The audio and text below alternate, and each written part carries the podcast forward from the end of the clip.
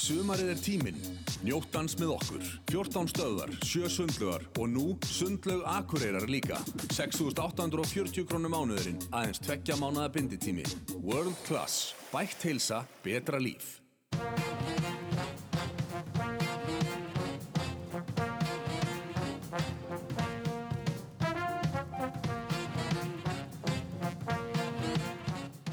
Komið sæl og verið velkomin í fyrsta þáttin á hlaðarpstáttarröðinni Leiðin út. Gilvi Tryggvason heiti ég og mun í þessum þáttum ræða við fótbolltamenn sem fóru ungir út í atvinnumennsku. Sumir eru þar enn, aðri komu heim og fóru jafnvel aftur út. En hvað voru þeir allir að gera til að komast út og hvernig voru svona fyrstu skrefinu þeirra erlendis? Minn fyrsti gestur er engin annar en Rúnar Alex Rúnarsson, markmaður Díón í Fraklandi. Ég settist niður með honum áður en að fóð með landstöðun á HM en þá var hann samlingsmyndin Nordsjælland í Danmörku. Þessi þáttur er í bóði World Class sem var með frábæra auglýsingu hér í byrjun og kajakferða. En þú, kæri hlustandi, getur upplifað náttúruna á einstakann hátt hjá kajakferðum á.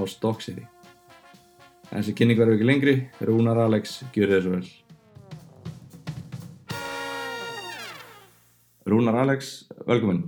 Takk hjá fyrir. Byrjum bara á, á byrjunarreitt með þinn fótboltaferil. Uh, Þú elst upp Erlendis og, og flyttir síðan heim 12 ára gamallegi. Jú, passar. Já, uh, og byrjar að spila útispilandi. Manstu eitthvað eftir að hafa spilað fótbolta án hanska? Já, ég man alveg eftir svona einhverjum mómentum, sko. Ég man svo sem ekkert mikið frá æfingum eða eitthvað þannig. Ég man eftir einhverjum, einhverjum svona einstökum leikjum um, sem ég spilaði sem miðjumæður en, en svona ekkert rosalega, rosalega mörg skipti sem ég man eftir þú veist ég hérna, sem útispilari Nei. Hvernig, er gammallega skiptinu stöðu? Sko ég minnir að ég sé tíu ára þegar það gerist. Ég var í, í, ég var í fjórðabekk held ég í hérna, Belgi og ég fæ botlangukast og þarf að fara í aðgerð og er frá sem að má ekki æfa fótbolta í ykkur að uh, var fjórir mánuðir eða eitthvað. Og mér fannst ég mér fannst ég missa af svo miklum sko ég misti svo mikið styrk og, og þú veist, misti af svona mikilvægum tíma þar sem menn voru kannski að stækka og eitthvað, þá var ég bara rúmlíkjandi og gæti ekkert gert sko, þannig að þegar ég kom tilbaka þá, hvort að markmaður okkar þá í liðinu var að hætta að fara að fara í annar félag þá,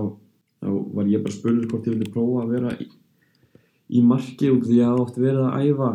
eða bara leika mér í marki á æfingum sko, og þjálfarinn fannst ég góður og, og spurði segi, hvort ég vildi bara prófa að æfa og ég, þú veist sagði bara já, var ég kíla á það og ég hef ekki séð eftir því. Hvað heldur þú að hafa grætt á að alast upp Erlendis sem fótboltamæður? Ég held sko að mikið tala um veist, þjálfara uh, mismundir þjálfara menningu og eitthvað svona hér, þú veist á Íslandi allir þjálfara sem að starfa fyrir fyrir uh, knattspilnu fél og þeir eru vel mentar og svona en, en ég ólst náttúrulega upp hjá toppklúpi í Belgíu. Og þú veist, það eru þessi litlu lið sem eru bara með eitthvað fólkdara sem eru að þjálfa okkar með en, en um leiðast komin í eitthvað alveg dæmi þá eru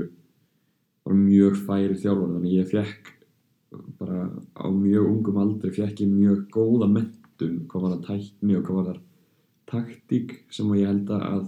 krakkar hér á Íslandi fá kannski ekki að svona, það er að búið að breytast tölvert núna en á þessum tíma þá, þá veist, ég lærði miklu meira um leikin sjálfan um,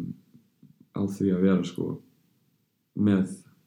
já, góða þjálfara og og svo held ég líka að ég var að spila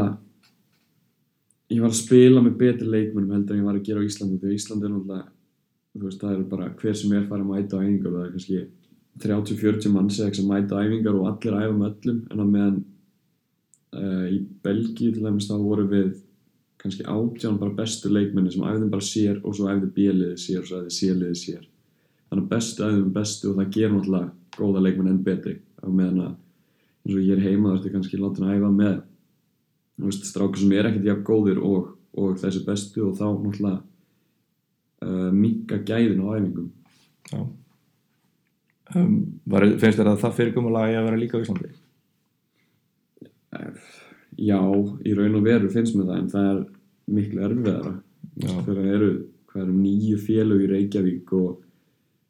og þetta er svo rosalega hverfiskipt Já. bara á þessum tíma í Belgi ég var, já ég þennan frá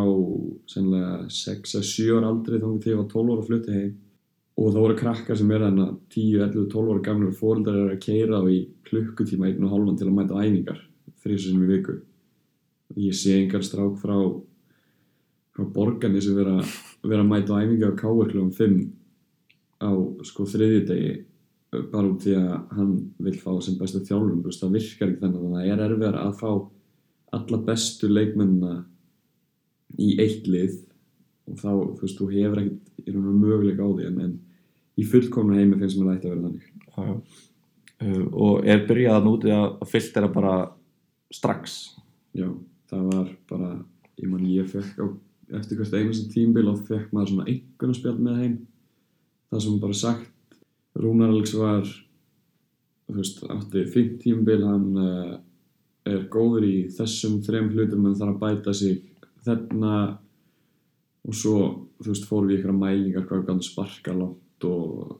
fullt af eitthvað svona dóti bara og, og svo er bara að byrja að síja frá sko, minna, eins og ég segi það er, þetta er skipt upp í A, B og C lið og, og hérna það voru bara 7-8 ára gamli krakkar skilur og bara sagt bara hefur fyrir ekki þú ert ekki nóg góður til að vera einu þú, þú máttur áður hvort þú fer nýr í B-lið eða hvort þú fer aftur í þitt hverfislið. Þetta er mjög harður heimur strax frá ungum aldri þannig að þegar þú ert 10 ára gammal að koma úr fjögur á mánuða veikindum og ert að byrja í nýrri stöðu ert að hoppa beint upp í A-hópin sem markmaður eftir þessi veikindi? Já, ég svo sem veit ég ekkert hvort að hafi eitthvað spilað inn í að pappi minn var pappi minn og var, Já. þú veist, aðalkallin í, í lókarinn sko, ég, ég veit ekki, þú er ekki að segja neitt um það sko, en, en hérna það, staðan var bara þannig að, að það vantaði markmann og ég var bara tilbúin að prófa og, og svo veit ég hvort það var út því ég stóð mig vel strax frá fyrsta degi eða, eins og ég segi, hvort það er eitthvað með tengslan þetta að gera Já, já. en hérna já, kannski var ég bara henn Já. Uh, varstu farin að fá okkar markmannstörlun að núti Já, ég, bara um leið og ég hérna, gerðist markmaður þá byrjaði að mæta markmannsæfingar það var einmitt, hvort það voru markmannsæfingar einu sinni tvisvar í vika sem við mættum bara á sér æfingar um, bara í einu og hálfum tíma bara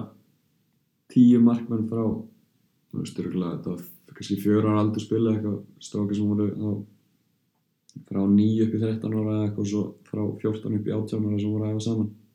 og það er náttúrulega hjálpað mér helling að, að fá svona sérþjálfun, fá bara þessa mentun sko sem að krakkar á Íslandi eru kannski ekki byrjað að fá svona snemma. Nei, veistu hvernig er, hvernig er þetta að byrja á Íslandi? Það er mismunandi eftir félögum. Um, bara veit eiginlega ekki hvenar eða hvaða félög standa svona uh, eða hvaða félög eru svona best í, í, í þessu. Þetta Káar hefur reynt þetta að, og hefur verið með markmanns markmanns svona skóla fyrir yngri krakkar. Ég veit ekki hvort þið séum það með í dag. Já. en þetta þetta hefst væntanlega fyrir út í Belgíu myndum að halda. Já, kannski markvissara Já, klálega, það er bara eins og ég segi, þú veist, þegar þú ert hjá topplið eins og ég var hjá, þá er allt það er hugsað út í allt, það er allt til alls og, og það var mjög, það var mjög flott sko, þeir voru byrjaði strax bara frá degi eitt sko, að þjálfa markmenn og, og þannig að voru góði markmenn í öllum í öllum aldursflokkum og, vel skólaðir markmenn, menn kunnu allt og veist, með góða tækni og mjög gaman að sjá og svona fyndi að flytja á til Íslands og, og það var svona var smá eins og taka skref tilbaka í raun og veru Já, já. var myndið alltaf áallega að vera klárlega þannig allavega að minnstakosti með leikmennina. En fannst það líka mikil viðbriði á hvernig æfingarnar voru Já, sko, já, ég svona held að mér minnir það mikið bara um bara að hlaupa tvo ringi og svo bara spil uh, bara þegar ég mætti beint til Ísland sko. Þegar, þegar ég fór inn í hvað ætlaði að ekki að flokkur og svo náttúrulega bara stæla stærstu viðbjum voru þau sko ég, hef búin að spila ég hef búin að spila á 11 manna velli frá því ég var 10 ára. Í Belgíu byrjaði að spila satt, í U11 heit það á 11 manna velli. Og svo flyttið til Íslands búið með tvö heil tímbil á, á stórum velli og byrja að spila aftur í sjömann og þú veist það var, mér fannst það fáralegt en sem betur var það bara það voru tveir mánuður eitthvað svo var ég farin upp í fjólaflokk sem ég byrjaði að spila aftur uh, aftur á stórum velli Já. Alltaf skiptir ekki í neinu máli að vera góður á, á sjömanavöll þegar að upp í meistaraflokki síðan komið þá, telur ekkert að hafa verið góður þar. Nei. En ok, þú kemur heim og eins og segir ákveðin, ákveðin skrifa kannski tilbaka upp á, upp á æfingar og, og svona. En, en hérna, þú lest svona sem alveg til þín taka strax um leið og kemur heim með það ekki? Það, er- ég man nú bara eftir þú veist, örgulega með svona með betri fyrirskram á, á Reykjöp en aðra leikmenn eða ekki? Jú, hvað ég held ég að vinna hvað, tvisar sinum kannski eitthvað? Held ég að vinna tvisar fór þrísar sinum á Reykjavík og ég held ég fyrsta skipt sem ég fór þá held ég að ég náði bara að spila tvo leiki eitthvað, var ég að spila þá var ég að leiðin í frí og, og var beðin um að spila upp fyrir með einhverjum flokkin en svo hérna held ég alveg pottið að ég að vinna næstu tvö árun eftir það. Já. Ég hérna ég hafði svona, þeir eru náttúrulega jafnaldrar og, og hérna voru náttúrulega efðum í rauninni bara fótbolt á sama tíma upp í allavega annar flokk. Uh, ég hafði svona aðeins heyrt til þín getið en mín svona fyrsta minning af, af Rúnari Alex er kannski svona ótengt þér en það er viðtal við hérna Elias Má Ómarsson núverandi leikmann Gautaborgar sem var þá nýbúin að tapa úrstæðarleiknum á Reykjavík með, með kepplag og mótið ykkur í káir og mér minnir að sko nánast allt viðtalið að við farið í að hann er bara að tala um svindlkallin í markinu og káður og hann bara við er alltaf ekki hægt að skora á hann markmann og þá unnuð þið í vítakefn og þú varðir eitthvað, eitthvað víti og varst bara rugglaður Já, ég átti, ég átti mjög gott reykjaf þetta árið, mann. Ég heldur við gert náttúrulega Selfoss í undanúslitum, klokkan sko átta eitthvað í morgun upp á Írvelli. Nú spiluðum við úrslitaleiki hann að setna um daginn eða eitthvað, ég held að við höfum vinnum báðanleikin í sem ég varði, örgulega, uh, ég held ég varði tvö móti Keflavík og eitt eða tvö móti Selfossi líka og held ég að varði eitt í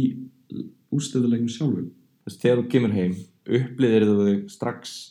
að þú væri bara toppmarkmann varstu bara ok, ég er greinilega betri en aðrir, án þess að það sé eitthvað hrókaföld en bara kallt mat. Fannst þér þú vera betri en aðrir markmenn bara, bara strax ég myndi ekki segja að mér fannst ég vera betri en aðri markmann en, en ég vissi að ég væri góður. Já, en ég var aldrei að spá í ég hef aldrei spáð mikið í því að, að hvað aðrir eru að gera. Ég, hef bara verið alveg þannig upp að ég var að hugsa, sjálf, hugsa um sjálfa mig og spá í sjálfu mér og hafa áhrif á það sem ég get haft áhrif á um, frekar en að vera að spá í öðrum sko. Þú varst aldrei að bera það saman við aðra markmenn einhvers staðar úti ma- að því maður hugsa ok, það er eitt, Ísland er svo lítið land hægt að vera bestur á Íslandi en ef þú ætlar alltaf að bera það saman við íslensku markmenninu og þú erum betri en þeir, hvað þarf það að gera þegar þú hittir síðan einhvern Messi allt í einu út í Argentínu sem er bara veist, er, er, er maður hugsa, hugsa maður að það sé alltaf einhver betri hérna úti eða ertu bara fókusir á sjálfa þér? sko, í dag er ég miklu, miklu frekar þannig að ég, ég kannski ber mig ekki saman við aðra en ég er svona ofta spá í um, en maður ætla að segja eitthvað allt annað en ég var að segja á þann en, en þú veist, ég, ég er þannig ég spá ekki mikið í hvað þeir eru að gera hvað, þú veist, ég er ekkert að ég veit ekki hvernig ég orða þetta ég, hérna mér finnst gaman að fylgjast með öðrum og sjá hvað þeir eru að gera þannig ég veit yfirleitt, þú veist, markmenn í kringum mig uh, kringum minn sem minn aldur um, í Evrópu ég er svona að reyna að fylgjast með þeim og sjá svona, ok, hann er að spila þetta hann er að gera þetta, ég held ég get alveg gert þetta bara svona til að fá innblástur en ég er ekki að, að ég er ekki að spá í um, já, ég meðist mjög erfitt orða, orða. þú ert ekkert í fílu út í, í. Karius fyrir að hafa spila úrstættaleg meistaröldar en að núna og Nei. hann er hvað, tveim árum eldri en þú held ég já, eitthvað þannig að þú ert ekkert eitthvað, ég verð að vera komin þangað eftir tvö ára annars er Karius. Nei, Nei. Já, það er nákvæmlega það sem ég er að minna ég, Já, já. hérna, eins og segja, mér finnst gaman að fylgjast með og sjá, ok, hann er að gera þetta ég get alveg séð mig fyrir þarna en, en en, en ekki, þú veist, heyrðu, hann er komin þangað fyrirli minn er að vera búin Það fer ekki til eitthvað, eitthvað óðagota ok, nú var ég að drífa mig að hérna, já, nei. hérna já, þú fengið svona ákveðna aðtekli fyrir að vera með góða tækni og, og betri í löppunum heldur en aðri markmenn og, og hérna já, bara, ég meina, pappin hefur til dæmis sagt að þú hafi verið bara virkilega efnilegur útispilandi útispilandi leikmaður. Um, aftur, minning. Ég man til dæmis eftir hérna leik þar sem að við vorum að fara að keppa uh, ég það var í þriða flokki eða eitthvað. Við, við erum í uppbytun og síðan sé ég að, að hérna, þú ert farin að æfa spinnur og maður tók bara eftir svo rosalega mun á, á spinnutækninni og bara strax í þriðaflokki meða við aðra markmenn maður hefur eiginlega þetta er kannski, kannski átnisnær og þú, þetta eru kannski einu markmenn sem ég hef séð á Íslandi sem eru með eitthvað svona allt öðruvísi tækni með að sparka í boltan uh, hefur unnið, er þetta væntalega eitthvað sem þú hefur svona markvist unnið að á ferlinu með ekki? Jú, um, þetta, ég myndi segja að þetta er þetta er 50-50 sko, 50-50 bara erðablanda, þú veist, að, ég bara fengið þetta frá pappa og svo það að ég hef náttúrulega bara eitt viðbjóðslega mörgum klukktum í það bara að vera í fótboll og vera að leika mér. Þannig að já, ég er svona bæði heppin að hafa kannski fæðist með þetta en svo er náttúrulega tölur að vinna bak við þetta. En Mhm. hérna ég man bara alltaf eftir þegar ég var lítill út í garðarleikum með pappa og pappi eitthvað, heyrðu, verður með stífan ökla sparka almennilega í boltan og heita þannig í mig, þú veist, það var alltaf svona að kenna mér kenna mér hvernig ég ætti að gera hlutina. Þannig ég er svona spáði í hlutunum sjálfur og, og veist, ég er ennþá ofta að minna mig á þú veist, ef ég, ef ég er í uppbytun fyrir leik eða við erum að senda og ég, hérna, ég er að senda milli með markvæmstjálfunum eitthvað og, og á tvær lélega sendi og hugsa, herru, kreppu öklan, kreppu öklan þú veist, bara svona hluti sem maður setja í mér sko, bara út að þú veist, þetta er eitthvað sem að pappi hefur kent mér og, og hérna, ég er mjög heppinn bara að hafa hann. Þetta er náttúrulega nútíma fótbolti í dag þetta er eiginleiki sem er mjög gott fyrir, fyrir nútíma markmann að að hafa. En þetta var kannski ekki nútíma fótbolti fyrir 10-15 árum. Nei, er þetta ekki svona að, stýttar síðan eða ekki? jú, ég meina Ertu þá, ertu, ertu, ertu ekki svolítið heppin að þetta að nútíma markast að sé akkur þetta þróast svona, þetta er svona þróast svolítið fyrir þig, er það ekki? Jú, en ég held að það sé að, þú veist, að miklu þetta komið til vegna þess að ég spila í Belgíu. Í Belgíu, við vorum byrjar að reyna að spila út sko hvað, ég, við flytjum heim 2007 ég spila, ég byrjaði í markið vantilega 2004 eða 2005 og þá vorum við strax byrjar að reyna að spila út og þá voru, þú veist, belgarnir bara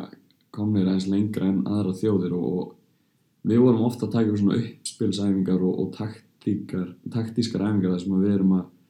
fara í markspinnur og eitthvað svona sem að það sem að varnamenn þykjast hlaupa upp og spretta tilbaka og á ég senda á einhvern þeirra og svo ég var reyna að leysa það og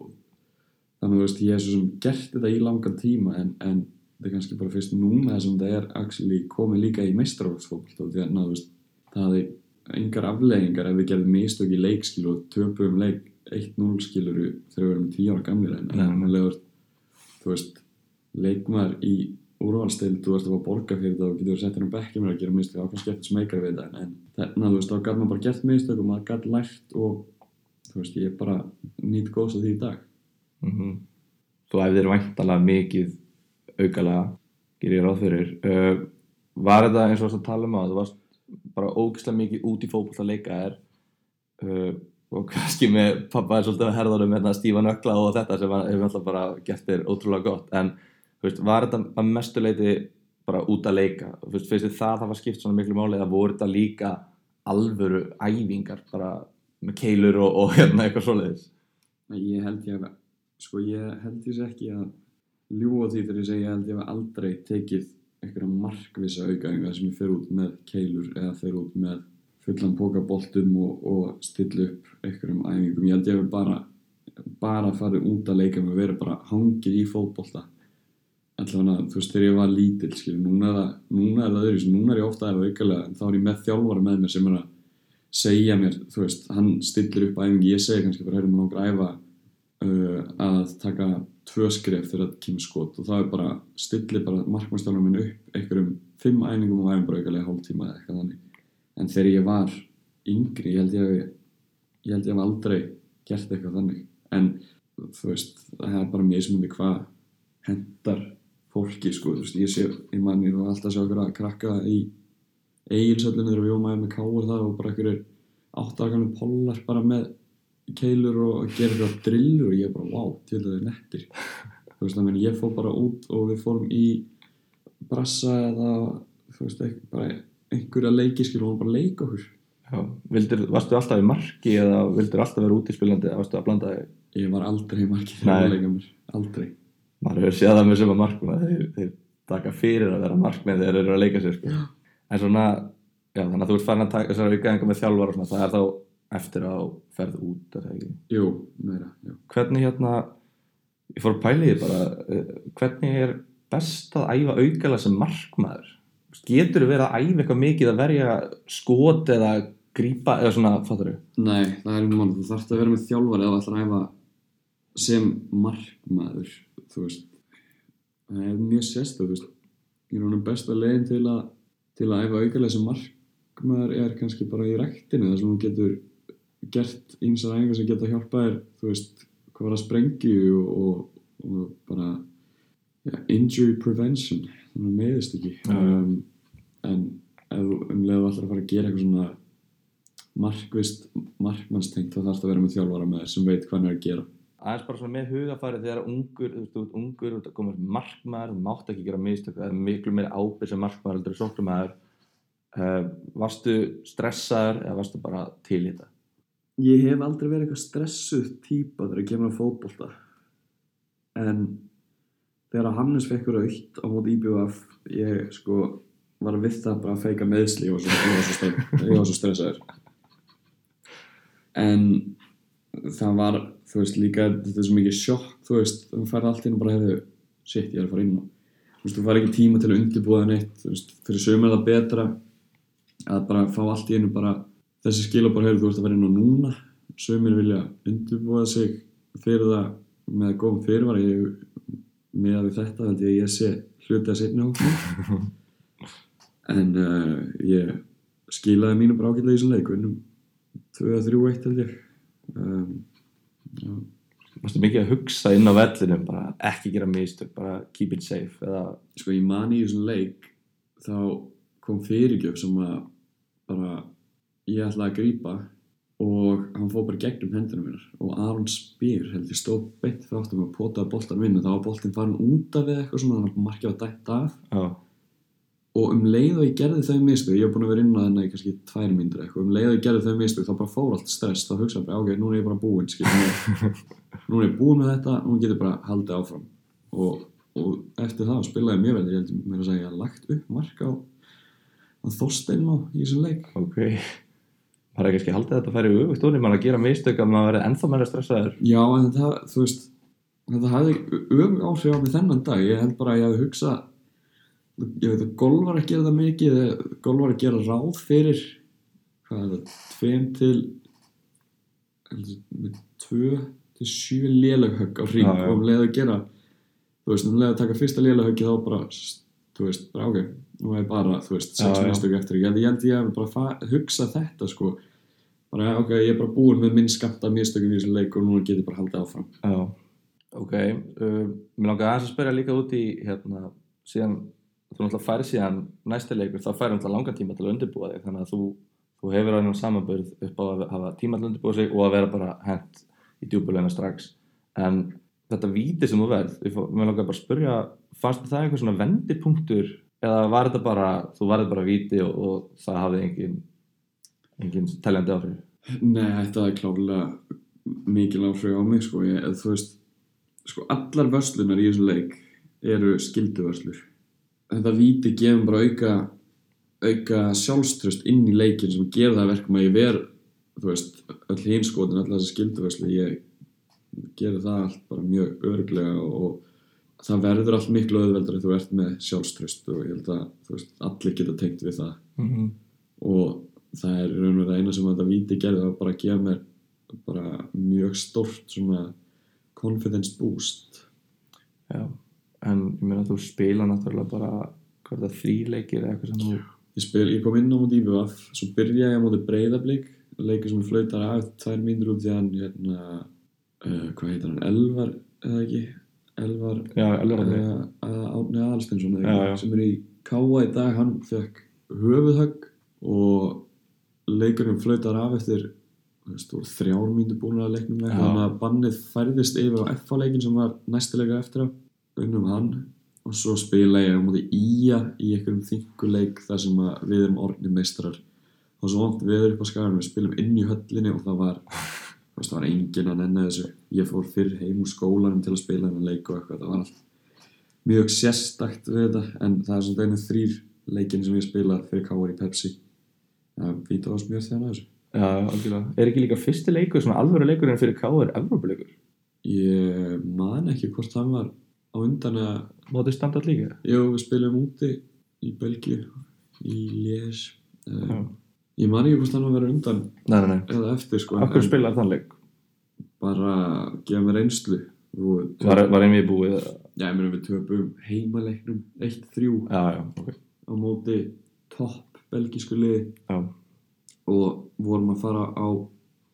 sennilega erfiðasta heimavell Belgíu og 30 manns af vellinum og veist, 30 stegi hiti og það er bara ekki, veist, aðstæður fyrir, fyrir Íslandíka nei. og var að spila fyrir kannski max 2000 manns og, og þú veist, í já, 12 stegi hita og 8 metrum á sekundi Já, já. þannig að þú veist, þetta er svona smá uppgjöfís og fínt að gefa mér og einhvern öðrum uh, öðrum leikmennum bara leik og, og reynslu Ok, aðeins þá út í sko ferli við að fara út í atvinnumennsku og þá sérstaklega svona áherslan á ákvöruna tökuna með það. Það var til dæmis svona allavega með að við fjölmila að þá var orðið nokkuð ljóst að Káur ætla að, að treysta þér sem aðalmarkmanni liðsins þarna 2013 þú, þú ferði út í janúar 2014 en 2013 klárast þeir verið Íslandsmeistarar uh, Hannes er að fara út í atvinnumennsku og það er svona, já, það er ljóst að Káir og það var svo sem vita svona innstinn að þú væri líka fara en Káir segir samt allavega að gefur út að uh, vákvæði lengi að koma sér frá mér að, hérna, að þeir alltaf treysta þessum aðalmarkmanni ef þú ferð ekki út. Þú hefur þá tækifæri til að verða aðalmarkverður hjá uppeldisfélaginu sem eru Íslandsmeistarar og, og bara ferð að spila en ferð út þar sem að þú ert alltaf að fara að byrja á bekknum allavega, sama, nokkur veginn sama hvað lið þú, þú velur það ekki? Jú, hvað hérna af hverju vildur þú komast út á þessum tímapunkti í stæðan fyrir að spila? Sko ég og pappi rættum það fram og tilbaka á sínum tíma. Og við hann vorum var í þá þjálfari hann leysins var þjálfari liðsins og hann, þú veist, en hann sá aldrei um samninga að gera neitt svona fyrir káir hann, þú veist, þannig að það var í raun og aldrei farið út í það neitt til laun og eitthvað þannig, en, en það var bara sagt um að ég myndi fá ég geti fengið fínan samning ég myndi spila alla leiki og svo geti ég farið út eftir það tímbil og þá, mynd, þá myndi þeir vilja selja mig sem aðalismarkmann, þú veist, einhvert uh, í Skandinavíu. Á þessum tím, tímapunkti var sko K.R. búið að samþykja tilbúð frá Klubb Brugge í, í Belgíu og þau voru búin að samþykja tilbúð frá Norsjöland þannig að ég gæti bara valið millir þessi tvekja liða svo var ég með eitthvað tilbúð frá öðrum liðin líka. Í raun og eina ástæðan af hverju ég ákvaða að fara út frekar en að vera heima var bara var svo að ég þorði ekki að taka sjensin að segja nei. Þú veist, ég, ég hefði geta byrjað þú veist, tímbil með K.R. bara hérna undirbúinistímbil eða Pepsi eða þú veist, skipti ekki máli. Ég, ég hefði geta meðist ég hefði geta lent í einhverju sem hefði leitt þess að ég hefði aldrei komist út eftir já, það. Og þú veist, ég, ég var bara ekki tilbúin að taka sensin á að á að segja nei og treysta á eitthvað betur myndi koma setna mér já, já, og þá þurfti ég bara að ákveða í hvaða liði ég vildi fara. Veist, ég hef með Káir hefði fengið meira borga ef ég hefði farið til Brugge. Ég hefði fengið betur borga hjá Brugge. En það var bara, mér fannst það bara of stór klúbbur til að fara í á þessum aldri og á þessum tímut ég hef farið sem annar að þriðji markmaður og ég þurfti að vinna mig upp og þú veist, við leysum á skýtnu og pening og þú veist mögulega hef ég aldrei fengið sens menn Mm. hjá Norsum þá bara sagt þú kemur hinga og verður í við 19 í 6 mánuði bara til að kynnast leikstílum okkar svo verður þú einn af tvei mark, markmannum í aðalinu og bara fara í samkjafni og þú verður byrjað að spila í síðasta lagi eftir tvö ár. Og þú veist það gekk allt eftir já. sem að þeir sögðu. En það er svo sem, það er ekki svolítið sjálfgeft Jú, að hlutin, að lo, þú getur lofað og lofað en tekur maður ekki alltaf með mjög miklum fyrirvara öllu svona? Jú, klárlega. En ég hafði bara einhvern veginn miklu betri tilfinningu fyrir því sem að Mossand var að selja mér og mér fannst miklu meira þú veist, mér fannst vera miklu meira bakveð þú veist, þetta hljómaði allt svona eins og það kæmi frá hjartanu frá þeim sem var að segja mér þetta minn bruggja var, þú veist, ég hafði einhvern alltaf svona smá skrýtna tilfinningu gagvart því út því að það var svona, svona kannski bara of stórt lit, kannski bara hrættur Já. maður vil alltaf ekki líka taka of stórt skref. Um, er ekki líka viðskiptamódeli hjá Norsjöland svolítið að þeir eru að taka inn unga leikmenn og reyna að selja á dýrar eitthvað annað? Jú, þeir bara halda sér á floti þannig, þeir bara, þú veist, þeir viðkjanna það bara sjálfur, þeir eru bara með, já, örgulega eina bestu akademi í heiminum. voru þessi lið þá að að finna þig í gegnum landslið Já, við spilum uh, með átján landsliðinu æfingarleiki á heimavilli Norsand, þar sem að aðalþjálfarinn og sportsefinn sáu mig og vildi fá maður reynslu. Og ég fór út um páskana æfði einu sinni meiðist eftir tímíndur á þeirri æfingu og fæ svo bara skilabóð þegar ég kom heim bara þeir vilja fá mig. Og það var bara þú veist, þeir vissu svona nokkur neginn hvað ég geti í fótbolt og þeir voru múin að sjá mig í landsleikum eða fylgst með mér eitthvað eftir þessi landsleiki en, en þeir vildi bara alveg sjá hvernig karakter ég var og þeir voru ekki lána með það sem þeir sá á, á þessum tíma sem ég var þarna. Um, en það var já ég held að öll þau skipt sem ég fór á reynslu var gegnum landslið en eins og með þetta, ég, hérna, ég rakst á, á frétt frá fótboltaflutinu þegar að það var þetta, þessi óvisa hvort þú væri að fara út eða ekki og þeir spyrjaði bara beint út, ertu að fara út? Og, og þú svarar hérna fyrir mánuði hefði ég sagt já en ég veit ekkert hvernig málinn standa í dag. Í þessu ferli, hallar þú þig bara aftur og, og lætur umbósmann sjá um þetta eða ertu að mannstu eftir þessu? sko ég, ég get ekkert gert mikið, ég reyni að halla mér aftur og, og láta þá sjá um það. Og ég læt þá sjá um það en ég held ég að vera óþólandi við, við umbásmannum minn og við pappa minn að vera að ringja í þá svona tíu sem á dag og spyrja bara heyrðu hvað er að frétta, hvað er að frétta? Já, en þú veist þegar allt, allt kemur til alls þá get ég náttúrulega ekkert haft áhrif á þetta. Ég er ekkert að ringja í félögin eða ringja í fórsetarinn og segja bara heyrðu þið, þú veist, þurfa að borga þetta ég þarf bara að láta þá sjá um vinna sín en ég vildi alltaf fá að vita hvað var í gangi og ég er ennþá þannig í dag. Já kannski ekstra mikið þarna, 18-19 ára pjakkur að fara út í atvinnu sko, að draumur eins síðan varst bara síðan lærir að lappa já, maður er væntalega orðin svona pínu útrýfupötur allavega þeir átt að fara út. Já, já, ég bara var með síman á lofti allan daginn bara býða eftir að fá eitthvað símtali SMS og, og já, fá vonandi símtali bara heyrðu allt, allt er klart við erum að fara út núna eða þú veist, eitthvað hannig Það er sérna, ég ætla, ég ætla að spyrja þig líka út í sko, kannski að ég ætla að koma með þetta áður en uh, með reynslu svona, þegar þú fara út á reynslu. Þú allavega þú fer til Liverpool á reynslu árið 2011 og, og Neg Nýmegen, ég veit ekki hvernig maður segir þetta orð uh, það fer þanga í, í mars 2013 og, og það er allavega það sem að ég, ég gæti fundið. Hvernig hérna hvernig er að fara svona að því leikmenn fara á reynslu bara eins og skiptum nærbuksu verðist vera sko, hvernig er að fara svona út á reynslu og svona, hvað vilt þú fá út úr því?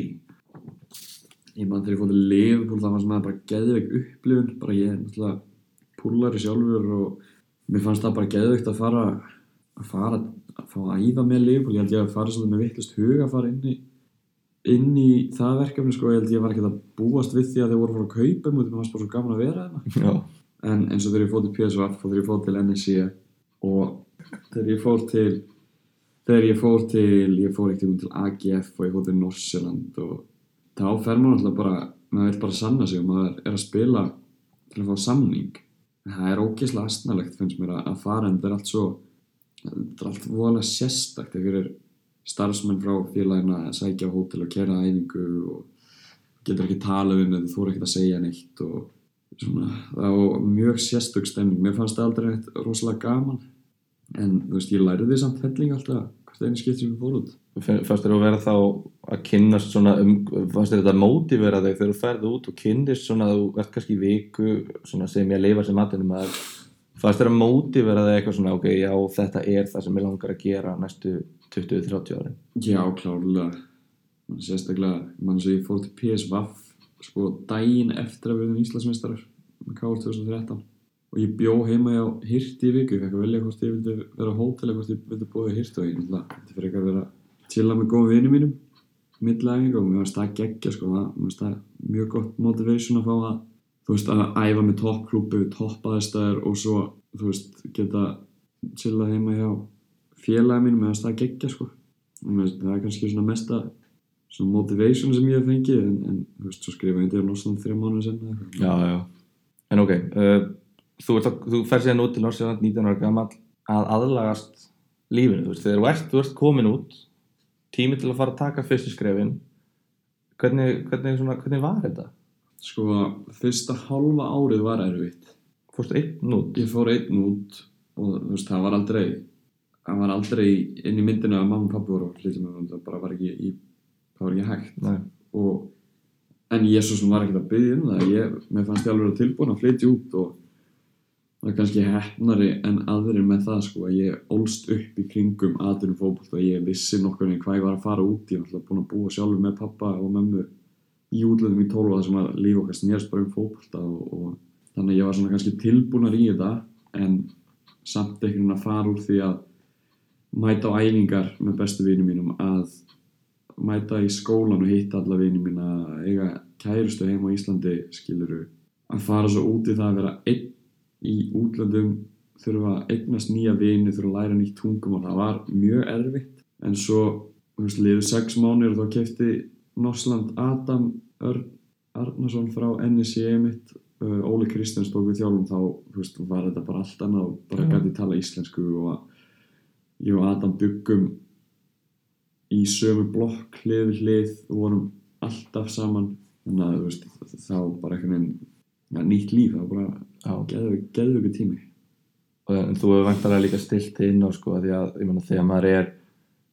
svona, þegar maður er ungur og er að æfa og, og ég meina, það hafa allir látið sér dreymum að fara í atvinnumennskuna til að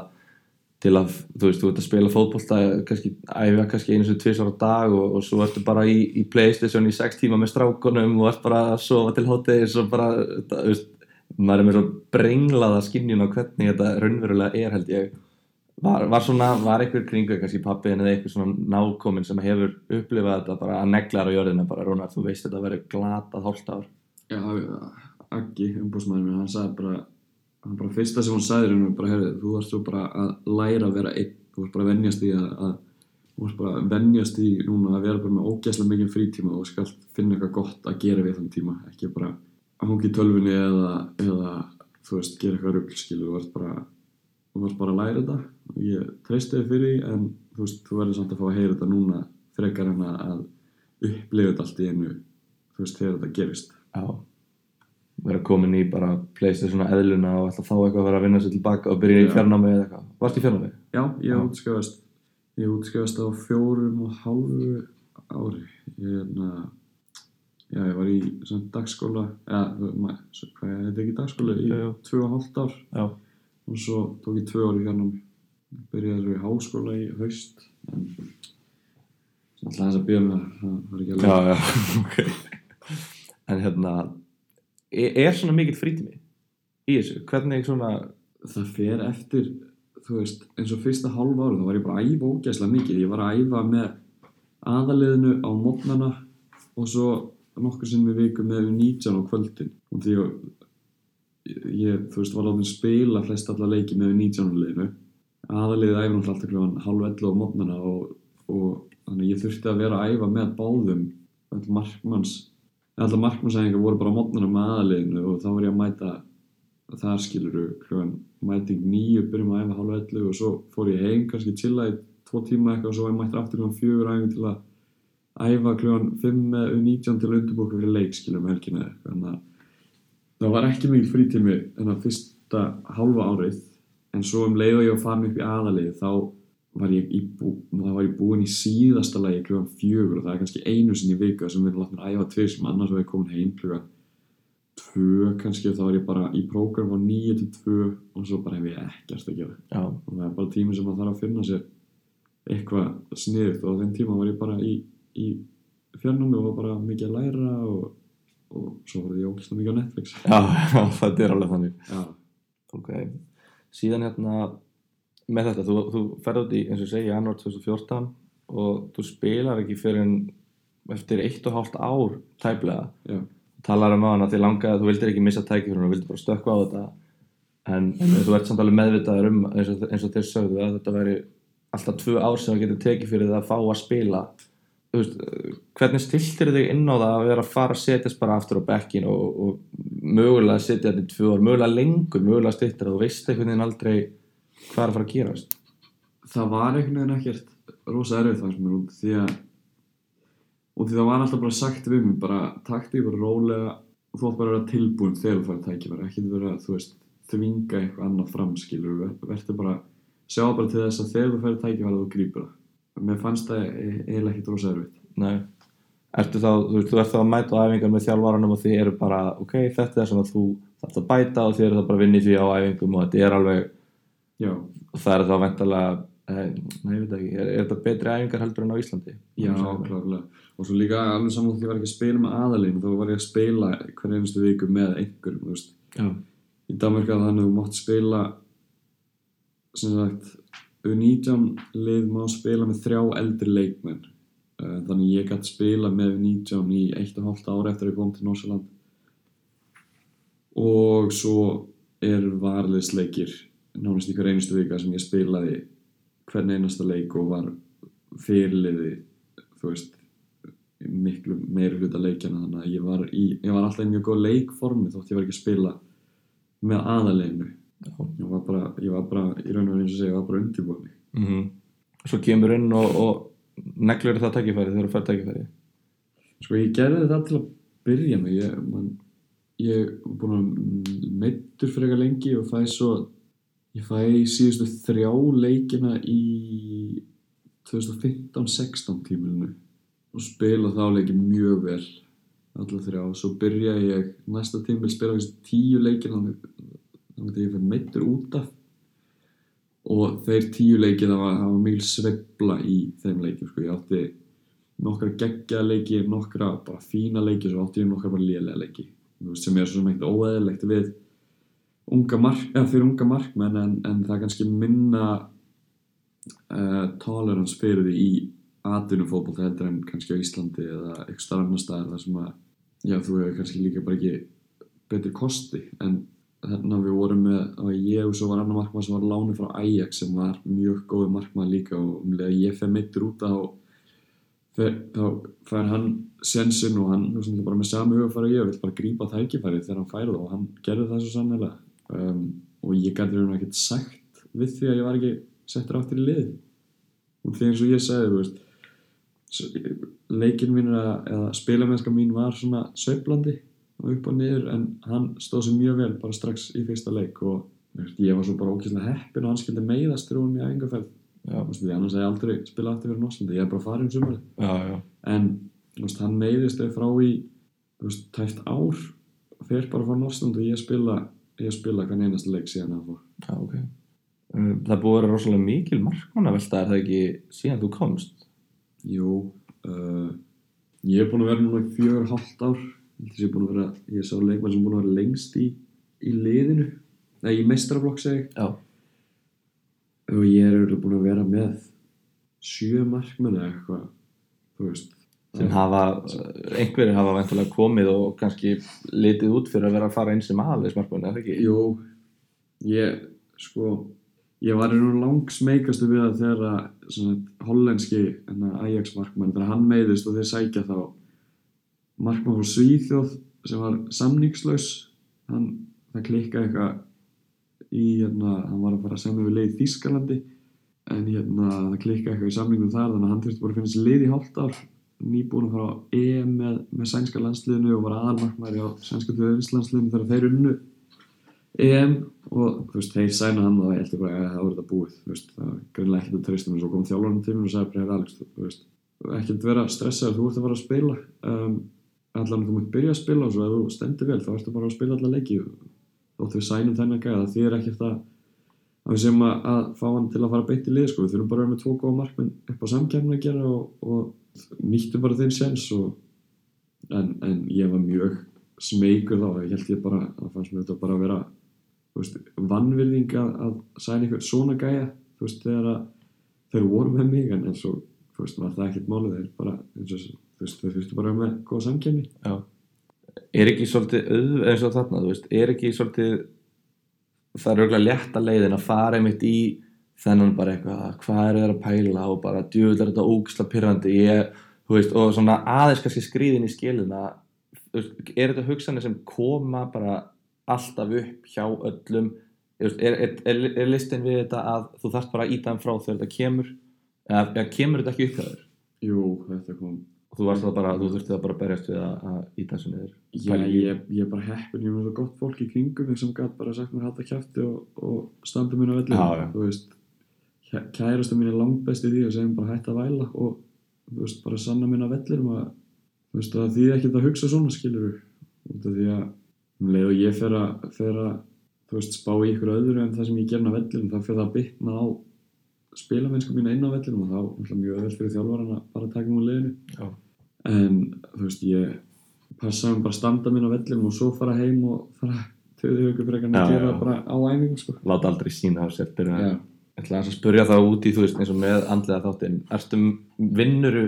eitthvað í honum, þú veist, bara markvist eða tæklaru bara eða kom upp eitthvað vandamál með eins og svona, tæklaru þið bara þegar það er að kemur? Eða ertu mikið að vinna í Sko, markmannsþjálfur minn er hann hugsa mjög mikið um andlega þáttur hann hefur verið gríðarlega svona stór partur af, af minni þróun sem leikmaður á síðustu tveim árum. Þú veist hvað ég hef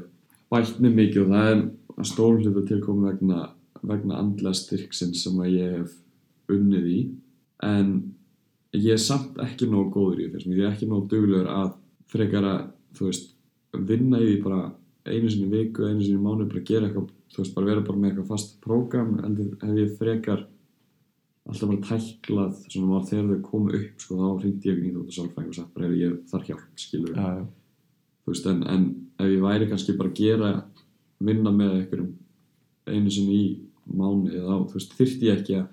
bregðast þannig við að taka einhver neyðafundi eða eitthvað, eða þú veist, ekki neyðafundi en, en þú veist,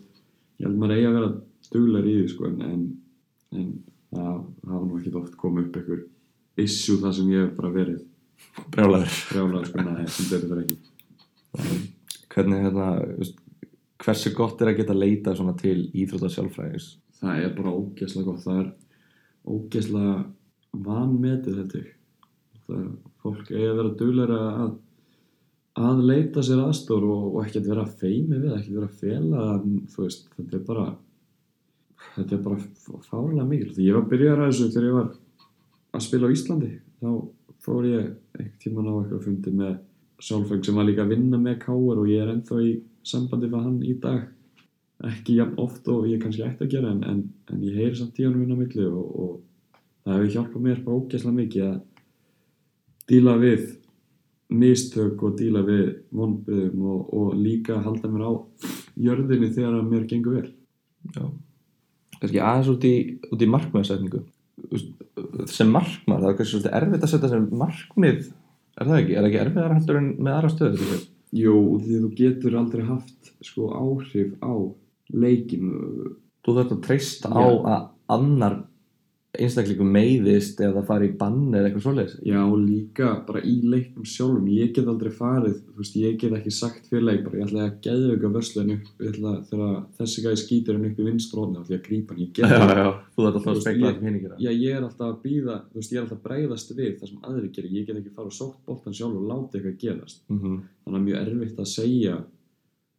setja sér, sko, þannig markmenn það er alltaf hægt að setja sér eitthvað svona lítil markmenn bara ég ætla að vera jákvæður í dag eða eitthvað þannig Já, skilur, en, en það hefur aldrei ég, er- ég er ekki hrifin af markmennsendingu, það er ekki haft svona þau áhrif á mig sem það hefur á markaðara Já, já. Þannig að þú ert bara, lítið bara yfir höfuð að setja í markmið. Já. Já. Sem er kannski skiljanlegt að því það, þú getur ekkert sett í markmið að vera orðin markmið að vera í Liverpool eða, eða koma að byrja, veist, eins og þegar þú ferð út til Nordsjælland, er, þessi markmið, já, ég ætla að komast í liðið innan tveggja ára. Já. En verður maður samt ekki að hafa eitthvað svona, eitthvað svona plan sem að maður vill að gangi upp og að því þú veist hvað, eins og núna til dæmis, þú ert búin að vera í, og hálft ári í Nordsjælland verður ekki að hafa eitthvað svona plan, fattar þau, núna vil ég vera hérna og mér langar að vera komin á þennan stað eftir fimm Jú. ár. algjörlega. Og ég, þú veist ég var alltaf með markmið ég var alltaf með, þú veist, ég var alltaf að vinna að ykkur, að vinna eftir ykkur en, en svona ég hef ekki verið mikið að vinna með eitthvað svona skamtíma markmið eða eitthvað svona lítil markmið bara fyrir æfingar eða fyrir leiki eitthvað, ég hef reynda en mér fannst það bara ekki virka. En þú veist, ég setti mig klálega markmið svo þegar ég fór til Norsland og þá sagt því bara, heyrðu, já, þú verður að byrja að spila en þú átt að vera að byrja að spila, veist, hér þá var bara ok, það var bara það, allir gera það skilja, þú veist, kannski svona óbeint markmið, en ja, ég held að segja bara svo einstaklingsbundi hvað virkar fyrir fólk, veist, fyrir suma að virka bara best bara að segja bara ég ætla að eiga sjö geggja sendingar í dag eða eitthvað þannig, bara Já, svona já. lítil markmið að ég ætla að fá mér, ég ætla að vakna klukkan kortur í sex og ég ætla að fá mér gúrku í morgun. Bara, ef það virkar fyrir það, það er bara flott en, en ég, svona, hefur ekki alveg haft þegar áhrif á mig. Ertu svona einn dagur í einu típan? Já, eiginlega frekar. Mér finnst einmitt sko, ég, ég sá einmitt þegar ég var að undirbúa þetta sá ég eitthvað krútlegasta markmið sem ég séð er að þú veist að tala um að þú ætlar að ná fleiri landsleikjum pabbi. Já, það var, það var skemmtilegt. Já, ég það er líka verið bara eiginlega meira grín. ég veit það. Hérna, settur þér markmið að fara að komast í háumhópin varstu, var það eitthvað svona ég ætla að komast í háumhópin eða var þetta bara Já, ég stemdi alltaf á það sko. Geggjað bara fyrir alla, fyrir hvaða leikmann sem er frá hvaða þjóð sem er að fara á hafa. já, Þannig að það væri alltaf bara eitthvað, það væri astnalegt að ég hef bara, ef ég hef sagst ekki vilja fara á hafa. já það er bara svo þunn lína á milli sko markmið og von Já, Nei, ég, þú veist, ég bara fór inn í alla leiki og allar æfingar og hugsaði bara, ok, ég bara mig, þú veist, ég er bara að spila vel hér, að standa mig vel á þessu æfingu til að spila vel um helginni eða að spila vel um helginni og til það er háum fram já, og þú um, veist, auðvitað er þetta allt markmið kannski ég mér að segja að markmið virki ekki Já, mig, en, en er kannski meira að tala um þessi litlu markmið sem að fólk kannski setja sér á hverjum einasta degi fyrir næsta dag. Um, það er eiginlega ekki hægt að, að taka viðtal við þig án þess að spyrja þig út í út í, hérna, eða þess að nefna allavega pappa en Rónar Kristinsson sem við erum alltaf aðeins, aðeins komið út í. En hann er já, hann er leikjæðasti leikmaður íslenska landslýsins frá, frá upphæði uh, bara aðeins að spyrja sko hvaða áhrif hefur að vera svonur hans? Það hefur eiginlega bara haft góð áhrif á mig. Um, ég hef alltaf getað leitað til hans bara með allt, ekki bara með fótbolta en við að vera bestu vinir og, og en þú veist, í þeim heimi sem ég er í dag sem bara atvinnu fótbolta heimurinn þá það er alltaf einhver mál að koma upp skilur sem það er að díla við og, og þú veist, hann hefur alltaf getað komið með einhver svona valið púnta og eitthvað sem ég get lært af og, og og hérna bara hjálpa mér þú veist, það var ofta óþólandi líka vitandi af honum vitandi af honum að hann væri þú veist, gamall aðdurmar í fótboll og landsmar í fótboll og ég er að keppa og hann stendur eitthvað, stendur stundum eitthvað hjá markinu og eitthvað, Alex spila hans fram og ég bara, heyrðu, leið mér að keppa. Já, já, þú veist, það var ofta óþólandi sko Þú veist, að tækifæri? Nei, þú veist, og eins og ég var að segja með krepp öklu og eitthvað svona. Auðvitað nýtt ég bara góðsæðarsöld í dag en þú veist, á sín tíma fannst mér þetta ofta sko en þá var aldrei eitthvað svona þetta var aldrei issue, skilur, þetta var ekki eitthvað ég fór ekki heim og vildi ekki bóla kvöldmat eða eitthvað að sko, en, en, en þú veist, þetta var alveg stundum erfitt en, en miklu oftar sem þetta var bákjæslega skemmtilegt og já, og svo segir hún alltaf nýtur mjög mikið skóðs á því núna. Algjörlega. Ég var ekkert á ég var ekkert á sama stað fókbaltalega sem ég væri ekki verið hann sko. Það er auðvitað búin að ég veit ekki, lendi í ykkur mótlæti sem ég ekki geta díla við skilur á sama hátti eitthvað eða hefði farið að rífa kjátt við ykkur menn sem ég á að geta að gera út að Já, veist, ég bara held að ég ætti að gera það. Margt sem að hefði geta gert öðru sko sem að maður gerði kannski rétt út af því að maður fekk góða leiðbyrningar og kannski bara að lokum. Þetta er náttúrulega mikið til að hugsa til svona fyrstu skrefin í atvinnumennskunni og svona hvernig maður kemst þanga út. Er ekki svolítið þannig að allur þinn atvinnumenn að fyrir hinga til hefur, hefur stæðist vendingar Jú, eiginlega. Svona heilt yfir allavega Þú veist, ég vissi að ég myndi alltaf lenda í einhverjum mótlæti, ég vissi að það myndi vera erfitt til að byrja með, en veist, þegar þetta er skemmtilegt þá er ekkert skemmtilegra. Um, og jú, jú, ég held eiginlega að þetta sé svona nokkun veginn eins og ég bjóst við þetta, alltaf eitthvað svona smá, sem, já ok, ég held að ég myndi, þú veist,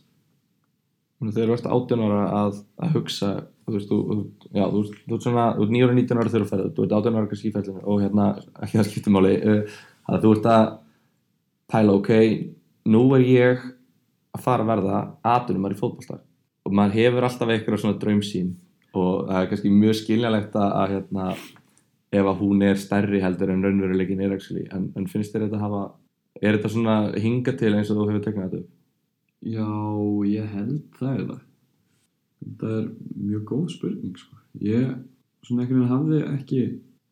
í, í stórum dráttum að ég ímynda mér þetta að það væri svona, sko. Það er náttúrulega alltaf, þú veist, eitthvað svona, já, ok, ég held að, veist, þetta væri öðruvísi öðru, auðveldara eða eitthvað svona, en, en, en þú veist, einveran og allt það, þú veist, það var bara eitthvað sem þurfti að venjast og var erfitt, en, en ég, þú veist, ég vissi að það var að gerast.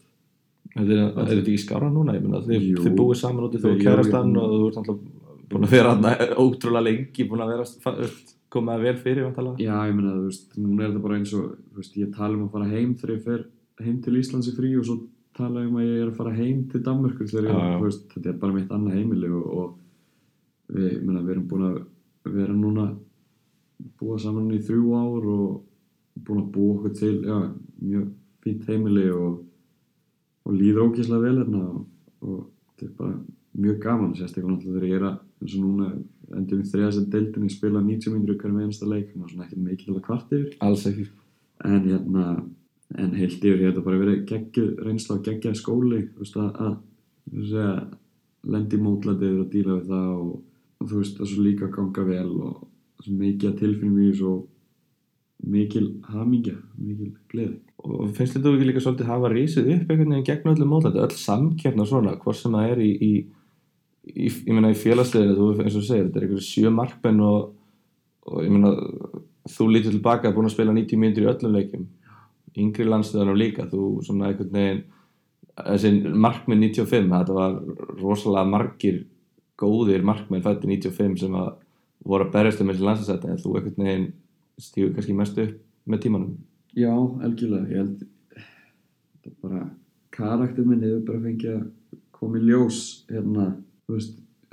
alltaf þegar ég er lent í mótlæð þá hef ég náða að stíga upp og, og ég held að sé að segja, karakterin minn og, og svo er það líka bara svo aðstóð sem ég hef fengið og ég, ég hef aldrei getað gert það eitt sko. ég hef bara er með það gott fólk í kringum og ég hef alltaf getað leita aðstóðar hjá einhverjum uh, alveg sama hvaða vandamál það er sem ég þarf að díla við og, og veist, það er bara gulls í gildi sko, bara svo ógeðslega mikilvægt mm um, Þú ert 23 ára Já. og þú átt 10-15 ár eftir að ferlinum hvert sérðu fyrir þér á geti náð? Ertu að hugsa um úrstættaleg HM og meistardeldarinnar eins og maður gerir þegar maður er 10 ára? Eða er, er eitthvað svona raunhafari væntingar? Hvernig verður framtíðin? sko, ég held að ég geti spilað í topp deild í heiminum Top 5? topp 5, topp 3 ég, veist, mér, mér finnst það það er ekkert hrókavilt við það neitt, ég er bara ég bara hef það miklu að trúa sjálfum mér. Og veist, það er enginn að vera sammála um það en, en veist, það væri kannski aðsnarlegt að ég myndi fara inn í fara inn í lífi og, og stefna bara á að spila í þú veist, flottu liði í Svíþjóð eða Danmörku eitthvað, mér langar að spila á herri en það og þú veist, ég er 23 ári í dag kom með, ég veit ekki hvað 70 leiki í atvinnumennsku eitthvað og, og þú veist, ég á nóg eftir ólært en þú veist, ég held að eftir 5-6 ár get ég alveg að spila í góðu liði í toppdeild í heiminum og það er þangað sem ég stefni Er ekki bara að láta þetta vera loka orðin? Jú. Takk, takk kærlega fyrir komuna og, og spjallið.